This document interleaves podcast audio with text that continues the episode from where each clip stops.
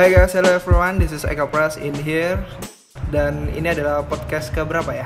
Kelima kalau nggak salah. Dan ini tanggal berapa sekarang? Tanggal 22 22 April. Oke, 22 April. Sekarang ini ya, masih belum ada kabar Kapan pandemi ini akan segera berakhir gitu. Ngomongin soal pandemi COVID-19 gitu dalam pandemi ini mungkin banyak rencana yang akhirnya dibatalkan gitu. Rencana seperti jalan-jalan baik nongkrong ke kafe ke mall nonton ke pantai atau ngecamp di gunung. Nah ngomongin traveling ke gunung nih. Jadi 2013 atau 2014 adalah pertama kali saya ke gunung. Dan itu langsung ke Semeru coy. Gokil nggak Nah, itu adalah pertama kalinya juga saya melihat alam yang benar-benar indah. Ini bukannya hiperbola, tapi emang karena waktu itu kali pertama saya uh, melihat alam yang memang sebegitunya gitu. Kemudian dari alam yang indah ada perjuangan yang melelahkan, benar-benar sangat melelahkan. Kemudian ada kehilangan arah, kehilangan kehilangan teman gitu, patah semangat. Tapi alhamdulillah sudah ketemu kembali dan bisa bikin podcast sekarang ya. Nah dari suasana atau vibe alam yang menarik itu ternyata ada kejanggalan gitu. Kejanggalan apa itu gitu? Ternyata di gunung juga ada sampah coy gitu. Semenjak itu saya uh, menilai tidak semua orang yang pernah naik gunung adalah orang yang benar-benar mencintai alam. Mungkin ya karena kebutuhan untuk memenuhi galeri selfie gitu, untuk postingan Instagram atau memang ada kesempatan buat naik gunung aja gitu. Nah, di sini saya nggak sendiri. Di sini saya bersama sohib saya ini yang pertama kali ngajak saya naik gunung.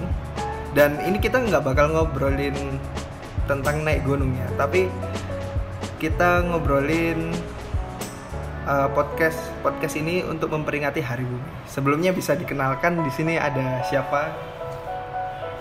Ya. Ya, assalamualaikum warahmatullahi wabarakatuh. Waalaikumsalam warahmatullahi wabarakatuh. Perkenalkan, nama saya Ahmad Faisal Haq. Nama lapangan saya Kotok. Karena saya manis, saya tambahi Kotok manis. Ya. Kemudian di sebelah kanan saya ada Ya, selamat menikmati pandemi yang ada saat ini. Perkenalkan, nama saya Muhammad Irsyad. Nama lapangan saya Dompak. Asli anak pantai. Oke. Oke. Nah, jadi di sini saya mengundang apa dua teman saya ini karena beliau ini adalah uh, ex ya, sudah sudah sudah mantan ya? Sudah mantan mahasiswa pecinta alam sudah mas sudah mantan oh tidak tidak. Tidak mantan. Di mahasiswa pecinta alam nggak ada mantan. Oh nggak ada. Banyak. Abadi. Sudah sudah sudah tidak menjabat. Uh, sudah. Ya, ada ya. tidak menjabat. Tapi masih masih berkontribusi dong ya, ya oh, masih. Oke. okay. Nah ini kan kita bicara tentang Hari Bumi 22 April nih yeah. tentang Hari Bumi sebenarnya apa ya uh, gimana sih atau hakikatnya mencintai bumi itu se seperti apa sih?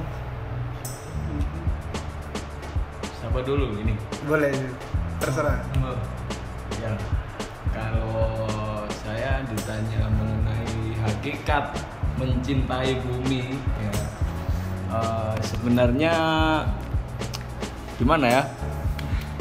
Uh, berbicara bumi itu pasti akan binasa uh, itu udah jelas di ayat Al-Quran ya kan itu nggak bisa nggak bisa dipungkiri lah seberapa banyak pecinta alam sedunia sejagat raya dia akan mencintai atau melestarikan alam sama saja. Semua akan berakhir. Tapi dulu kita pernah diajari bukan masalah hancur atau tidaknya suatu bumi tapi kelak kita akan diper, dimintai pertanggungjawaban kalian ngapain aja di bumi? Saya ini ngapain? Gitu loh jadi kalau kelak akan ditanyain seperti itu ya kita akan menjawab ya seperti ini ya Allah. Kita ya mentadaburi sebuah alam raya, alam semesta agar kita tetap mengkagumi engkau sebagai sang maha segala-galanya terus kita ya tetap memanfaatkan. Bukan berarti kita nggak ngapa-ngapain. Oh ini merusak. Bukan bukan tidak bukan melestarikan bukan tidak merusak ya kan? Kita berbicara alam ini berbicara tiga sebenarnya. Secara hakikat konservasi ya kembali lagi. Yang pertama itu kita memanfaatkan. Nggak mungkin kita nggak memanfaat, memanfaatkan itu sangat eh, munafik sekali yang kedua melestarikan ya kan yang ketiga tetap menjaga gitu Untuk ini masih riset sendiri. Ya kalau menurut saya sendiri eh, Perspektif mencintai bumi. konstruksi bumi khususnya pada hari bumi tahun 2020 ini menurut saya yang paling sa- bisa kita rasakan itu perubahan iklim apalagi dalam krisis eh, pandemi COVID-19 ini. Banyak hal banyak pelajaran yang kita bisa ambil. Bagaimana kita eh, memahami dan mengartikan apa sih manfaat apa hakikatnya sebuah eh, waktu yang di situ sebagai peringatan Hari Bumi 2020 banyak hal apalagi kita diterpa eh, pandemi COVID-19 ya beberapa hal yang perlu kita perhatikan salah satunya ya tentang kebersihan ya. terus tentang Menjaga alam. ya penjaga alam juga terus makanan karena dalam hal perubahan iklim pun banyak di situ kita eh, mendapatkan secara tidak langsung dalam tanda kutip itu teguran dari alam semesta kita. Kalau kamu tidak bisa menghargai alam kan biasanya seperti itu. Jadi kata-kata bijaknya kan kalau kamu tidak bisa menghargai alam alam yang akan mengajar kamu. Nah, akhirnya ya kita tahu sendiri hukum karma telah terjadi.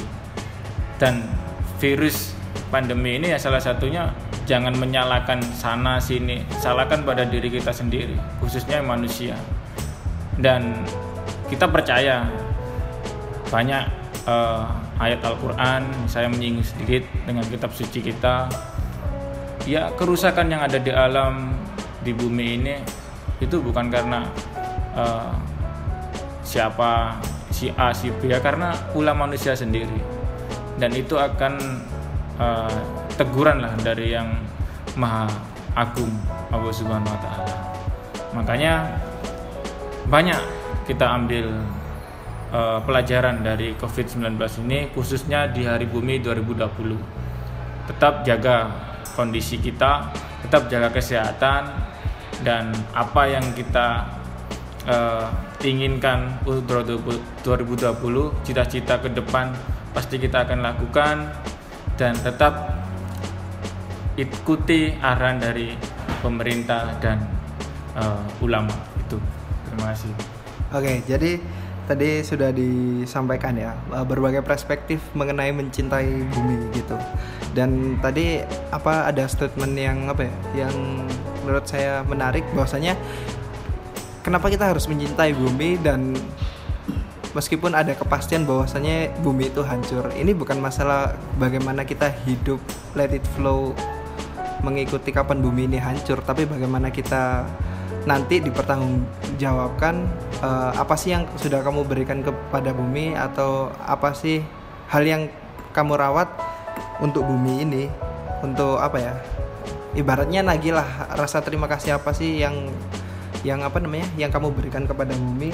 Sedangkan bumi sebenarnya kan banyak sekali manfaat untuk manusia itu sendiri.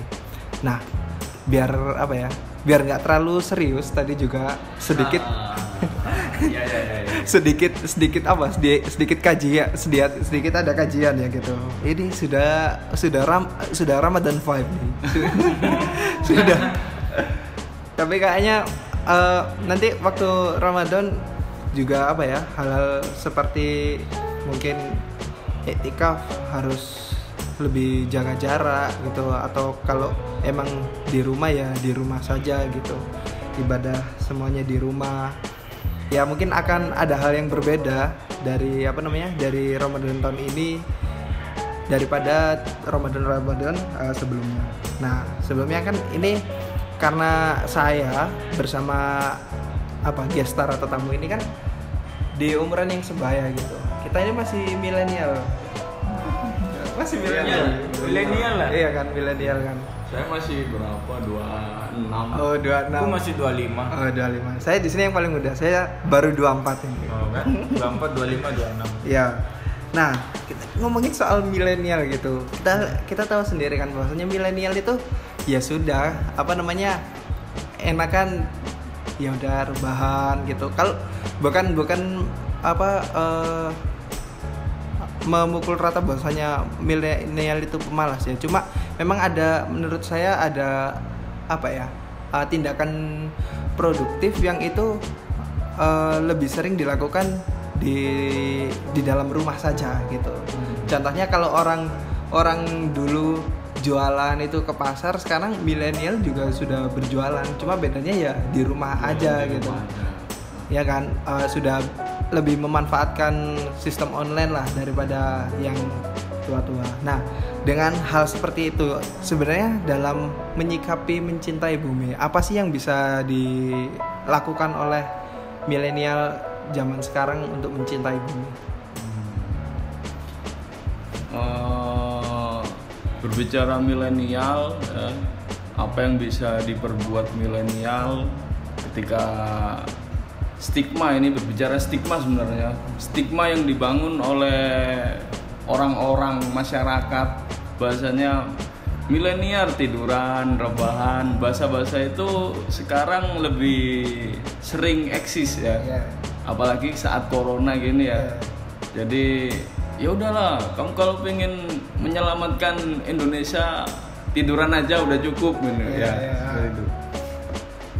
kalau selain rebahan ini ya Iya. kita kalau rebahan kan berbicara yang corona itu tadi Iya. tapi berbicara gimana caranya kita milenial biar bisa berkontribusi Dalam walaupun. Heeh, walaupun di rumah aja kalau saya pribadi saya udah melakukan beberapa dari beberapa bulan yang lalu itu menanam Oh menanam. ya saya memanfaatkan balkon atau Oh ya ini tips juga. Jadi kan kita ada di di Surabaya. Iya, Kalau misalnya di benar. di apa dilihat kayaknya Surabaya itu bukan tempat yang strategis buat Iya benar. bercocok Buat tanam. bercocok gitu. tanam. Tapi jangan itu jangan takut atau Ah. frustasi. Banyak cara, banyak jalan menuju Roma kata senior senior dahulu gitu. Banyak jalan menunjukkan fakta. Nah, Bisa dari gang satu kan. gang satu sampai larangan gitu. Ya. Jadi saya memanfaatkan balkon atau rusun susun-susun itu. Iya, iya. itu menjadi tempat yang media saya buat menanam. Dengan memanfaatkan ya sampah-sampah atau apa ya saya biasanya pakai botol pakai botol terus plastik bekas-bekas minyak yang orang tua udah beli terus dibuang saya ambil lagi. Terus memanfaatkan pupuk pupuk saya nggak beli ya. Pu- pupuk saya nggak pernah beli pupuk buat sendiri. Dari? Dari yang pertama karena saya suka apa udah itu ya udah apa berternak kecil-kecilan Iya. tapi berternak kecil-kecilan. Terus memanfaatkan sampah organik yang dihasilkan oleh ibu itu itu yang kita olah menjadi pupuk. Mudah sekali sebetulnya. Banyak literatur referensi di YouTube itu banyak sekali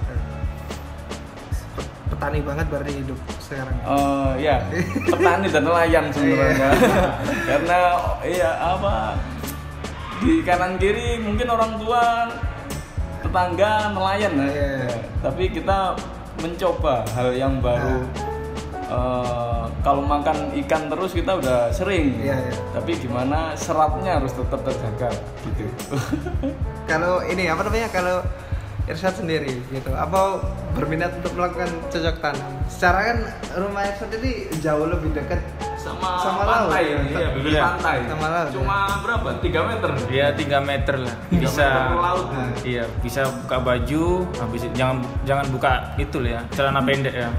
Buka baju langsung loncat aja ke sebelah kiri rumah saya itu udah laut. Ya sebenarnya untuk hari bumi sendiri apa yang bisa kita lakukan meli- eh, dengan kondisi eh, pandemi ini ya memang harus di rumah aja. Tapi dari si saya sendiri ya nggak jauh beda sih dengan apa yang dilakukan oleh Mas Faisal tadi.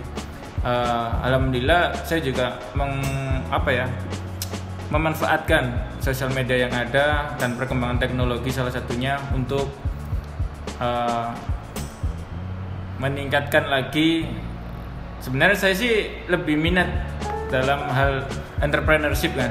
Jadi usaha mandiri bagaimana bisa terkhusus lagi bagaimana potensi-potensi di daerah saya. Karena da- daerah saya kan kampung nelayan. Nah jadi apa yang bisa eh, diterima oleh pasar khususnya masyarakat umum ya saya coba eh, share aja di sosial media. Dan alhamdulillah loh satu dua orang bahkan eh, sampai 10 lah.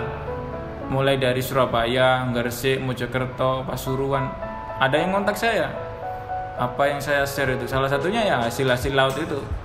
Dan ya memang keterbatasan waktu sama eh, sarana prasarana yang kurang mencukupi ya akhirnya saya batasi saya hanya melayani daerah Surabaya dan sekitarnya Nah, terkait apa yang ingin dilakukan, eh, kalau saya sih melihat kondisi seperti ini, kalau memang di rumah saja, harapan dari eh, aturan dari pemerintah, salah satunya yang harus kita lakukan di sisi lain olahraga, ya setiap pagi atau sore. Nah, kita harus juga memperhatikan kalau kita cinta bumi kita, pergunakanlah satu hari itu kita hemat terhadap daya atau listrik Listrik. Energi, energi. energi. Nah, jadi salah satu contohnya ya ketika kita eh, menggunakan HP, ya pastikan kita nyarger. Kalau nggak nyarger kan nggak bisa. Nah, itu bisa kita batasi satu hari itu berapa. Kalau mem kalau memang bisa dilakukan tidak menggunakan charger sama sekali, ya bagus. Dan lampu yang memang sering kita lupa Matikan. ya dimatikan. Ketika kita keluar ya matikan aja. Kipas angin TV kayak apa. Nah itu salah satu juga kita implementasi bahwasanya kita cinta pada bumi kita. Salah satunya ya peduli energi listrik itu. Karena semakin hari semakin mahal Oh ya, ini ada ada ada hal yang menarik. Jadi kalau apa namanya? eh, tadi kan eh, Mas Faisal ini kan tentang bercocok tanam gitu. Iya. Ya mungkin apa ya eh, orang bakal mikir, waduh gimana cari bibit dan lain-lain. Ternyata ada juga cara mudah untuk menjaga bumi. Salah satunya tadi menghemat daya gitu, daya listrik gitu ya. Ah, salah satunya ini kan kalau di apa ya di tengah pandemi ini kan banyak sekali orang yang mengkampanyekan tentang cuci tangan. iya Nah, ini bisa jadi cuci tangan ini bagian dari pemborosan air ketika ketika ini kan cuci tangan biasanya pakai sabun nih, ya kan. Nah, ketika pencet sabun ini kan air kebanyakan masih mengalir ya. Harusnya kan ya udah dibasahin kemudian baru ditutup lagi kerannya, baru cuci pakai sabun gitu kan. Oh. Ya kalau menurut saya sih itu harus kita uh, minimalisir lah. Ya. Salah satu halnya itu ya salah satu contohnya ketika kita membuang air, air itu jangan langsung dibuang. Jadi ditampung hasil dari cucian tangan kita bisa kita tampung. Nah, habis itu bisa kita pergunakan untuk nyiram apa yang memang di sekitar eh, kita itu memang membutuhkan Tanaman. untuk nah, salah satunya tanaman. Terus bisa digunakan untuk hal-hal yang lain yang memang itu sangat dibutuhkan. Bisa Nah. buat kolam. Nah, bisa buat kolam juga. Jadi menurut saya di sisi lain kita bahasanya itu apa? Res- recycle. Ya. Recycle. Recycle. Recycle. Ya, itu. Jadi jangan sampai Jangan sekali eh, pakai lah. Iya. Kalau di tempat saya ya, itu kalau saya kan ada hewan peliharaan, ini kelinci kan. Kelinci itu ada dua di di rumah. Nah kalau memang eh, setelah saya apa basuh tangan itu nggak nggak langsung saya buang. Jadi bisa saya buat bersihkan lagi kandang kelinci terus buat nyiram-nyiram eh, perabotan apa yang sekiranya itu memang butuh disiram. Tuh. Jadi banyak cara untuk kita eh, memanfaatkan air itu. Itu salah satu Ini apa dua orang mapala pelihara kelinci. ya? Kirain anu apa namanya? Pelihara harimau. harimau jangan itu ada undang-undangnya Iya, ya tapi kan kalau ada surat-suratnya boleh dong. oh Iya, tetap nggak boleh tetap nggak boleh Loh, jangan soalnya di di YouTube itu ada, tapi memang banyak persyaratan yang harus dianu. Oh, yang ya. harus di- Cuman mungkin ya karena kita yang lebih apa tahu kondisi berbicara psikis ini, Iya, psikis iya. hewan Iya. ya kan. direkomendasikan mending tidak. Le- lebih disarankan tidak lah. Iya. Karena hakikatnya para itu kita sebutnya simbah ya. Ya. Simbah. Mbah harimau, mbah macan itu nggak ada ceritanya harimau macan itu dikurung itu nggak ada ceritanya. Pasti mereka inginnya ya bebas. ya Raja kok di raja kok dikurung itu nggak ada. Oke, dan apa namanya? eh, tadi kan apa ya? Banyak eh, pembahasan eh, apalagi apalagi yang dilakukan eh, milenial maupun bahkan nggak milenial aja eh, banyak orang yang juga melakukan tentang ya kegiatan di rumah saja. Akhirnya mengurangi apa namanya? eh, polusi dari asap apa? transport. Nah, asap kendaraan.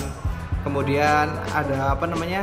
Eh, mungkin kita lebih mengkonsumsi makanan di rumah ya dari makanya buatan rumah daripada kita belanja di luar gitu sehingga lebih hemat ya, gitu. kayak kantong kantong plastik dan benar Nah, lalu apakah eh, dan ini ada fakta bahwasanya kesehatan udara di Jakarta itu membaik ketika kala pandemi ini. Oh. Nah, apakah apakah bu- bumi ini apa ya lebih baik ketika ketika saat pandemi pandemi ini gitu.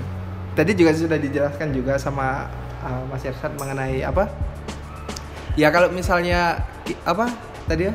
apa Kalau bumi kalau kita nggak bisa itu oh iya tidak bisa meng- menghormati bumi Ka- ah. nanti ya bumi yang mengajar kita. Nah, ya seperti itu jadi gimana apakah se- kalau dari Mas Faisal ini apakah bumi lebih baik ketika masa pandemi ini secara itu ya global mungkin pengaruhnya tetap ada.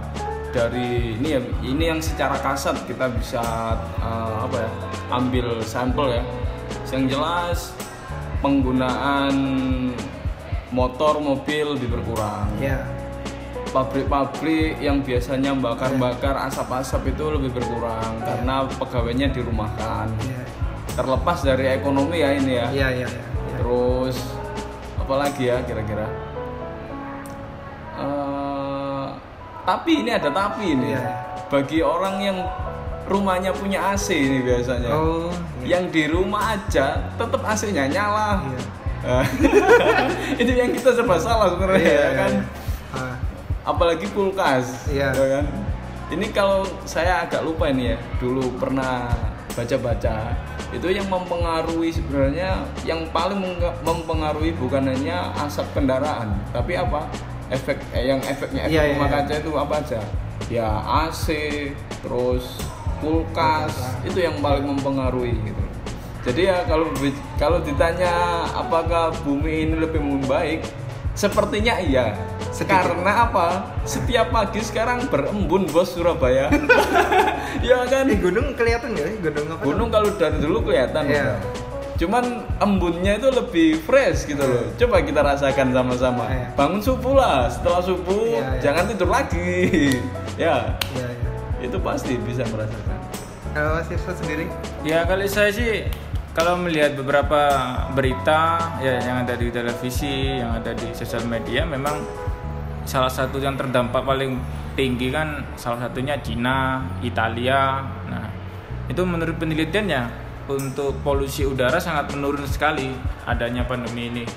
Dan di sisi lain juga ada eh, menurut astronomi eh, di beberapa negara kan juga infonya atmosfer kita semakin menebal Oh, iya, lagi membaik, seperti iya, itu iya. membaik. Nah, jadi ya tidak bisa dipungkiri ki- juga bahwasanya pandemi ini membawa malapetaka atau itu secara eh, internasional kalau kita melihat perekonomian, kita melihat dari sisi sosial ya sangat berpengaruh sih. Tapi kalau dibilang bumi ini lagi recovery, ya memang lagi recovery. Jadi lagi melakukan ya bahasanya apa ya?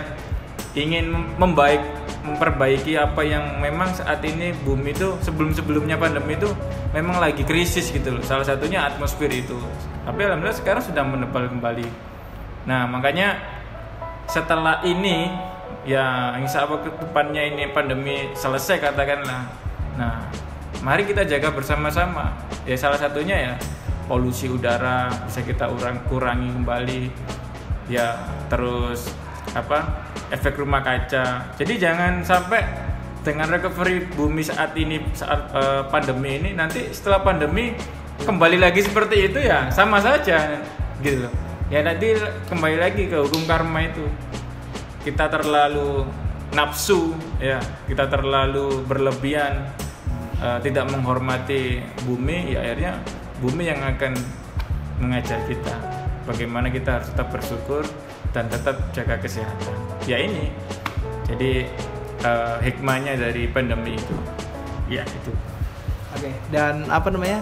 Uh, kira-kira nih uh, apa ya? Ya ini sebenarnya ini ya apa?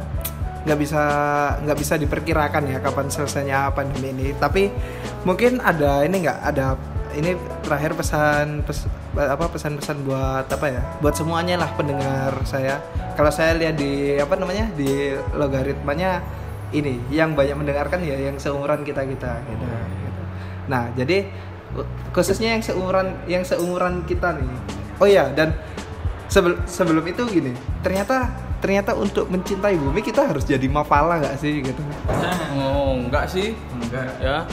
Karena banyak kontribusi la- lain ya. Heeh. Jadi gini, kalau ditanya apa? Apakah Apakah harus menjadi mapala ah, untuk mencintai untuk bumi? mencintai bumi? Enggak. Yang dibutuhkan apa? Sadar aja. Iya. Kamu sadar, kamu sadar satu, sadar sebagai manusia, ya kan? Yang kedua, sadar eh, kamu menginjakkan kaki di bumi, kamu nggak ngawang, guys. ya kan? Iya. Yang ketiga, eh, kamu harus sadar ini yang paling penting ini. Kalau kamu tidak bisa menyelesaikan masalah, berarti kamu bagian dari masalah. Kenapa saya bilang nggak gitu? Saya ambil contoh kecil dalam satu rumah. Setiap satu rumah itu pasti menghasilkan sampah, ya kan? Nyampah, Hmm, nyampah sekali. Bisa dihitung kalau satu rumah satu rumah satu hari menghasilkan sampah ya satu kresek kecil aja lah, kecil-kecilan. Iya. Paling enggak plastik, telur, ibu-ibu kita yang pulang dari pasar, Iya, iya. terus plastik-plastik, Indomie, kopi saset, ya itu banyak sekali. Anu Nah, kayu peti pindang. Nah, kayu-kayu gitu, nah, pastilah itu. Kenapa? Itu Eh. apa? Kalau kalau emang itu jadi sampah, Hah? kalau tadi kan Mas Faisal bilang kalau misalnya apa namanya? Kalau nggak kalau kamu nggak bisa menyelesaikan masalah, Eh, bagian dari masalah ya pak. jadi gimana gimana tentang Jadi sampah itu? tentang sampah itu, ayo mulai kita pilah Hmm. mana yang sampah bisa didaur ulang, sama mana sampah yang nggak bisa diapa-apain, tapi tetap yang nggak bisa diapa-apain itu bisa tetap berguna. Salah satunya menjadi apa? Menjadi eco brick itu. Apa itu eco brick itu? Eco brick ini yang lagi beken ini ya sekarang. Kita membuat sebuah karya atau apalah itu Oh, ya. yang bisa dipakai kembali dari bahan-bahan bekas. Oh, ya, betul. Contoh misal, karena kalian mungkin suka minum minuman botol-botolan ya, botol plastik atau botol kaca, mungkin itu bisa dipakai lagi. Botolnya karena kosong, kalian isi sama sampah-sampah sampai padet ya. Oh itu ini buat batu bata itu. Nah, batu bata bisa bisa buat kursi, Kursi, ya. bisa buat apa banyak lah contohnya eco brick gitu itu sekarang yang lagi kita eh, boomingkan di halayak umum gitu Kalau Mas Isan gimana? Ya Harus harus jadi mapala nggak? Ah. Kalau kalau apa mencintai bumi itu? Enggak. Menurut saya sih banyak jalan menuju Roma ya. Di banyak jalan juga kita menyayangi bumi kita. Ya salah satunya ya tidak tidak harus kita masuk mapala, harus kita harus apa ya? ikut pecinta alam atau yang lainnya yang mengarahnya kayak organisasi-organisasi pecinta alam nggak harus ya itu sebagai bentuk pengembangan diri kita aja jadi sama eh, minat bakat kita itu seperti apa. Nah, sehingga kita ikut eh, organisasi pecinta alam. Itu salah satunya. Di sisi lain ya mengembangkan diri eh, kita dan membentuk karakter salah satunya. Dan yang paling utama ya kita akan banyak teman banyak relasi banyak pergaulan di luar itu ya yang itu sangat berguna buat kita ke depannya nanti. Itu sih yang kelebihan kita ikut sebuah organisasi nah ya itu Ya, dan apa? Oh ya sebelumnya pertanyaan tadi bukan bukan saya men apa mendiskreditkan bahwasanya ya udah kalian kalau masuk kampus jangan masuk mapala gitu enggak. Ya apa sebagai intermezzo aja sih. Kalau misalnya ya cara salah, salah salah satu cara mencintai bumi itu ya nggak harus jadi mapala. Cuma ya tadi seperti yang disampaikan oleh Mas Faisal, kamu cukup jadi manusia yang sadar kalau kamu manusia dan kamu hidup. Injakkan kaki di bumi Ah, nggak ngawang. nggak ya dan kamu nggak terbang. Ya sudah itu. Bagaimana apa eh, kamu apa ya eh, bisa mencintai bumi? Nah sekarang saya tanya lagi apa eh, ilmu baru yang kalian dapat ketika menjadi mapala dan itu lebih mendekatkan diri kalian bahwasanya oh ternyata mencintai bumi itu seperti ini gitu baru ya? Iya gitu. Kalau contohnya ngomong ilmu Ah. baru sebenarnya banyak sekali ya. Dari awal kita belum tahu apa-apa sampai tahu mengenai Ya. hakikat-hakikat itu tadi. Terus harus ngapain dan strateginya gimana secara hukum ya. Ini karena dunia mapala menurut saya ini ya dunia mapala itu sangat dinamis sekali. Bahkan sampai ada yang pernah bilang ya apa namanya demonstran ya, demonstran terbaik itu adalah seorang pecinta alam. Karena apa? Ya kalian mau berbicara apa? Kita semua mencakup.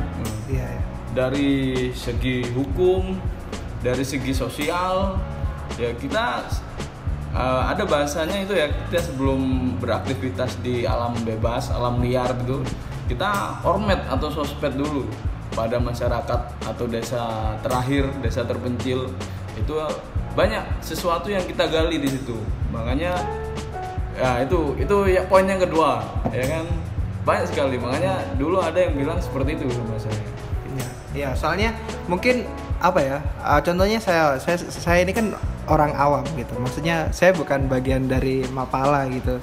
Cuma ya saya suka landscape, saya suka motret alam dan lain-lain gitu.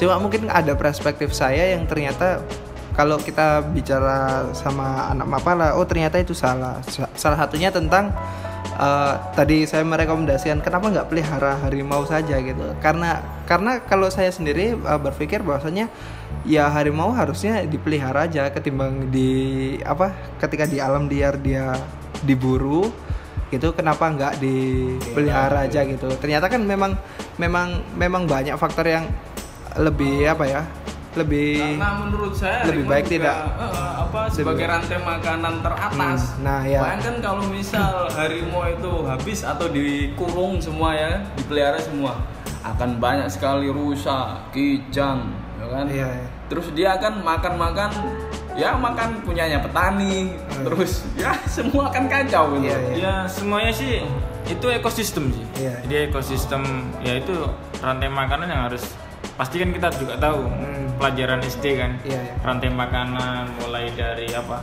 tikus ya Iya. tikus setelah itu Dimakan garaga. dimakan agar-agar atau dimakan ular ya Dimakan ular garaga. ular nanti dimakan oleh elang Iya. ya, sampai dan selanjutnya ya itu ekosistem sih sebenarnya makanya eh, bagaimana kita bijak ketika memelihara apa yang memang sebenarnya itu tidak berpengaruh besar dalam ekosistem. Gitu. Oke, kembali lagi ke tadi ya, ke pertanyaan yang belum dijawab tentang apa eh, pesan untuk kaula muda gitu. Apalagi pesannya ini aja sih tentang ketika ketika pandemi ini harus ngapain untuk mencintai bumi ini dan ya syukur-syukur kalau misalnya pandemi ini sudah sege- sesegera mungkin disudahi apa sih yang yang bisa dilakukan untuk mencintai bumi? Dari siapa ini? Ya kalau pesan sih apa yang ya, ya sama saya sendiri juga sih mengingatkan pada diri saya sendiri dan teman-teman mungkin yang ada di luar sana. Apalagi kan ini di sisi lain ya di sisi lain beberapa waktu yang lalu awal pandemi itu kan kita juga aktif di dunia relawan ya.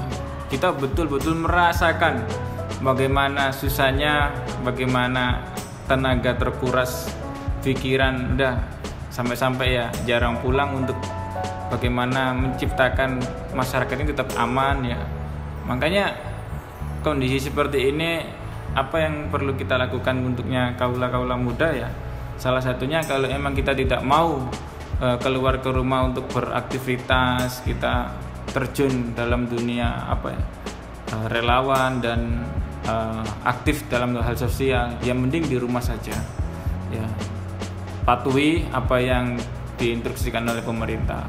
Salah satunya ya hashtag di rumah aja. Itu kan sudah terpampang ketika jubir presiden menyampaikan untuk kesehatan ini kan.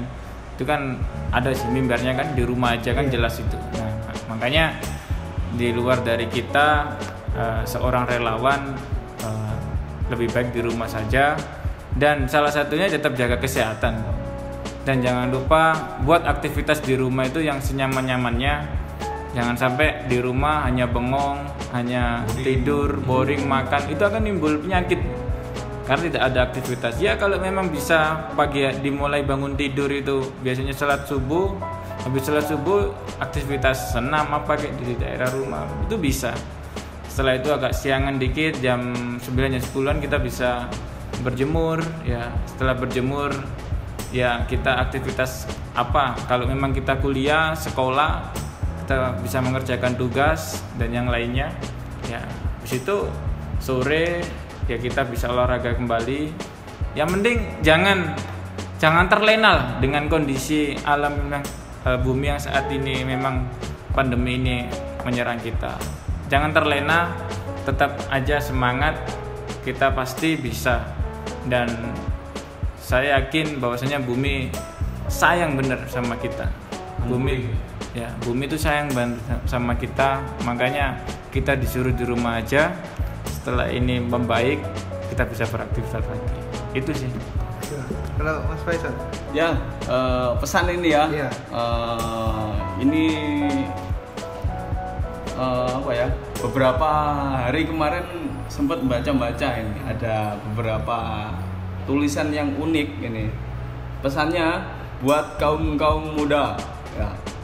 Jika setelah karantina ini kamu tidak satu ya, tidak memiliki skill baru, ya, yang kedua tidak memiliki pekerjaan sampingan baru, yang ketiga tidak mempe- apa ya, mengetahuan, eh, tidak mempunyai pengetahuan baru ya, berarti kamu tidak kekurangan waktu, tapi kamu belum bisa menggunakan waktu dengan sebaik mungkin guys.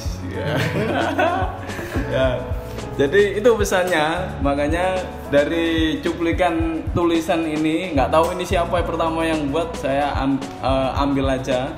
Jadi mulailah teman-teman buat yang pertama, yang paling penting ini ya, yang paling yang berhasil itu bukan siapa dia yang terkuat, tapi siapa dia yang cepat beradaptasi. Beradaptasi artinya ya karena adanya pandemik ini terus gerak lingkup kita dibatasi, kita harus cepat beradaptasi dengan cara gimana? Ya kita mulai menanam. Kenapa kita menanam? Karena kita eh, apa ya? memperkecil pengeluaran uang guys. terus apa? Ya pasti sembako sembako mahal terus sulit mencari nggak boleh keluar ya itu batasan-batasan batasan itu harus kita cepat beradaptasi dengan situasi itu. Jangan sampai kita melakukan hal-hal yang konyol. Ya nggak nggak apa tadi nggak menggubris omongannya pemerintah pemimpin kita. Itu yang malah membuat wabah ini semakin lama itu. Ya mungkin itu sih. Oke, dan sudah, sudah, oke sudah cukup. Dan apa? eh, saya mengucapkan terima kasih eh, buat teman-teman yang masih mendengarkan hingga menit ke 40 ini. masih 40 ya Iya, ti- tidak aneh kan? Apa? Nggak terasa kan? Nggak. Tadi kan kiranya cuma ya paling 3 5 menit gitu. iya itu. Ini salah satu salah satu alasan saya buat podcast itu ini. Saya bisa menyuarakan sesuatu ya kan tanpa harus apa?